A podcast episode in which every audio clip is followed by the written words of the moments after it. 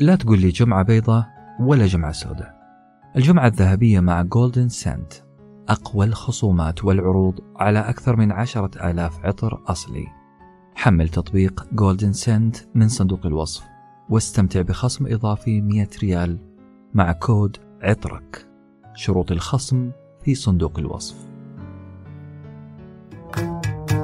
مرحبا هذا ساندويتش تدويني.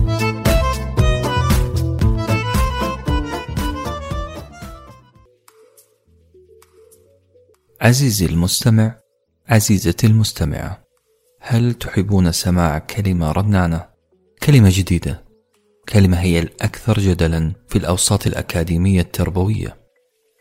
إذا أحب أن أقدم لكم كلمة code switching code switching أو التبديل بين لغتين أو أكثر خلال كلامنا هي كلمة رنانة وهي من أكثر الكلمات تعرضا للهجوم والتنمر. نعم فإدخال لغة على لغة كأنه إدخال طعام على طعام. هي مرض وشيء يشعر بالغثيان. أو على الأقل هذا هو رأي معظم من يستشفون خطر زوال اللغة العربية بسبب الإنجليزية. خلونا نرجع من البداية. ما هو ال code switching؟ ما هو هذا المصطلح اللي مسبب مشكلة بيننا وبين اليمين اللغوي العربي؟ ال code switching هو ظاهرة تحصل عندما يستخدم المتحدث وخاصة متحدث اللغة العربية. عندما يستخدم المتحدث لغتين في نفس الجملة. يعني ببساطة أن يدخل كلمة إنجليزية وسط كلامه العربي. أعتقد كذا التعريف clear جدا. ولا؟ طيب السؤال. ليه نستخدم بعض الأحيان الإنجليزية وسط كلامنا العربي؟ أول إجابة تجي في بالي وفي بال معظم الناس هو البرستيج ولا شيء غير البرستيج.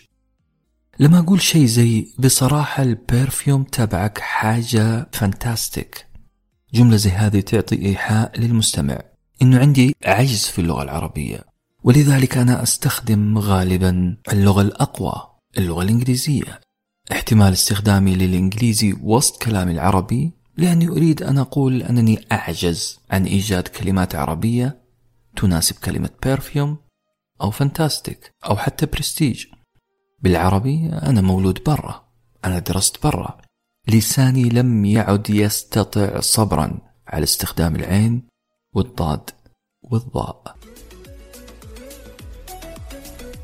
هذا الكلام كله هي مجموعة تهم أو بالأصح هي رأي مجموعة من الناس. تجاه استخدام كلمات غير عربية إنجليزية بالذات في وسط كلامنا العربي. هو اتهام صريح ومباشر بالتظاهر بأعجمية اللسان. هذا الرأي معتبر ومألوف وتقرؤون في وسائل التواصل الاجتماعي عنه كل يوم تقريبا. رأي ممكن قبوله. إلا أن التربويين واللغويين لهم رأي آخر أقل حدة وأكثر اتساعا. أكثر تحملا وقبولا لظاهرة الكود سويتشينج فالإنسان قد يتجه أحيانا للطريقة الأسهل نطقا أو الأبلغ معنى لذلك فهو قد يبدل لسانه من لغة لأخرى. خاصة إن كانت مهاراته في اللغة الثانية جيدة. خاصة أيضا إذا كان يتحدث في تخصص قرأ فيه بكثرة في اللغة الثانية اللي هي اللغة الإنجليزية. باختصار تبديل اللغة أو إقحام مفردة أجنبية قد يكون له مبرر إذا كان هذا الاستخدام حيسهل التواصل مع الغير وإذا كانت الإنجليزية هي البديل الأسهل لك كمتحدث. قد أتفهم هذا الرأي الأكثر تسامحا مع خلط اللغات ببعض. لأننا في فريق ساندويتش ورقي. عندما بدأنا العمل مع فريق تقنية المعلومات أو ال IT بدأنا في تصميم موقع papersandwich.com حصل بيننا سوء تفاهم كبير جدا. نعم سوء تفاهم وسوء فهم. مثلا طلبت من فريق ال IT أن يعمل مجلد للصور. هذا المجلد خاص بفعاليات شاركنا فيها. لم يعجبني في البداية التصميم لأنه التصميم كان غير تفاعلي غير حيوي. اضطريت أن أبحث في قواميس اللغة قواميس اللغة الخاصة بال IT تقنية المعلومات. بحثت عن المفردة المناسبة ثم طلبت من الفريق حرفيا هذا الطلب. أبغى منكم ألبومات صور interactive وهنا اختفى سوء الفهم ولله الحمد. لأنه كلمة interactive لها معنى محدد في ال IT وفي تصميم المواقع بالذات. حادثة أخرى. عندما أردنا تأسيس كابينة استوديو للتسجيل التسجيل الصوتي في مكتب ساندويتش ورقي. اختلفنا كثيرا مع مهندس التصميم إلى أن تم حل الموضوع عندما شرحنا له بالصور. ماذا نقصد بالكابينة؟ ومو بس كلمة كابينة خراطيش التهوية مكعبات الرغوة الكاتمة للصدى مفردات كثيرة جدا. لا نجد لها مرادف عربي منتشر بيننا. المشكلة يا جماعة الكلمات اللي بتستخدم في بعض الأمور التقنية والفنية لا نجد لها مرادفا بالعربية. قد يكون هناك مرادف لكنه متواجد فقط في صفحات القواميس وليس في اللسان الدارج والتعاملات اليومية. خلط اللغة كان يساعدني كثيرا في التواصل بشكل أسرع أوضح وأدق. إلا أن خلط اللغة أو code switching ليس محاربا فقط من المحافظين من أهل اللغة العربية بل حتى من المحافظين على الجانب الآخر من أهل اللغة الإنجليزية. يعني حتى الإنجليز لا يريدون خلط اللغات في بعض خاصة في مجال التربية. علماء التربية وخاصة متخصصي اللغة الإنجليزية يرفضون فكرة خلط اللغتين ببعض في فصول الدراسة. إذا كنت تتعلم في صف لغة إنجليزية فأكيد أنك سمعت هذه المعلومة. المدرس اللي يتكلم باللغة العربية في حصة اللغة الإنجليزية هو مدرس يضرك أكثر مما ينفعك. من شبه المحرم أكاديميا استخدام لغة الطالب الأصلية. والسبب في هذا هي مدرسة تربوية اسمها English Only Approach أو طريقة التدريس باللغة الإنجليزية فقط. ولهم تبريراتهم الحقيقة. مثلا متعلم اللغة يحتاج أن يرمى في محيط من المدخلات الإنجليزية. كلمة يرمى مقصودة حرفيا. لازم يغرق في مقاطع استماع وفي نصوص قراءة باللغة الهدف باللغة الثانية اللغة الإنجليزية. لا نعلم كيف يتعلم الطالب بهذه الطريقة. لا نجد تفسير واضح لكنه يتعلم. الطالب يبدأ في تعلم كلمات قواعد تراكيب واستخدامات اللغة بمجرد أن يرمى في هذا المحيط. هذه المغامرة ستعلم الطالب السباحة في هذا المحيط سيجبر على تعلمها. وطبعا أي محاولات إنقاذ لهذا الطالب من خلال رمي طوق النجاة بلسان عربي هو نوع من تخريب هذه المغامرة هو نوع من تخريب عملية التعلم. يبدو أن سمعة خلاط اللغة في الحضيض سواء كان عندنا أو عندهم. عشنا سنين طويلة جدا ونحن مؤمنون بأن استخدام اللغة العربية في دروس اللغة الإنجليزية هي حاجة خاطئة خاطئة تماما. إلى أن أتى مجموعة من البروفيسورات في تخصص التطبيقات اللغوية وقالوا رأي مخالف تماما. أبرزهم بروفيسور اسمه إرنستو ماكارو في مقالة بعنوان Code Switching in the L2 Classroom. يقول البروفيسور أن استخدام اللغة الأم له ألف فائدة وفائدة.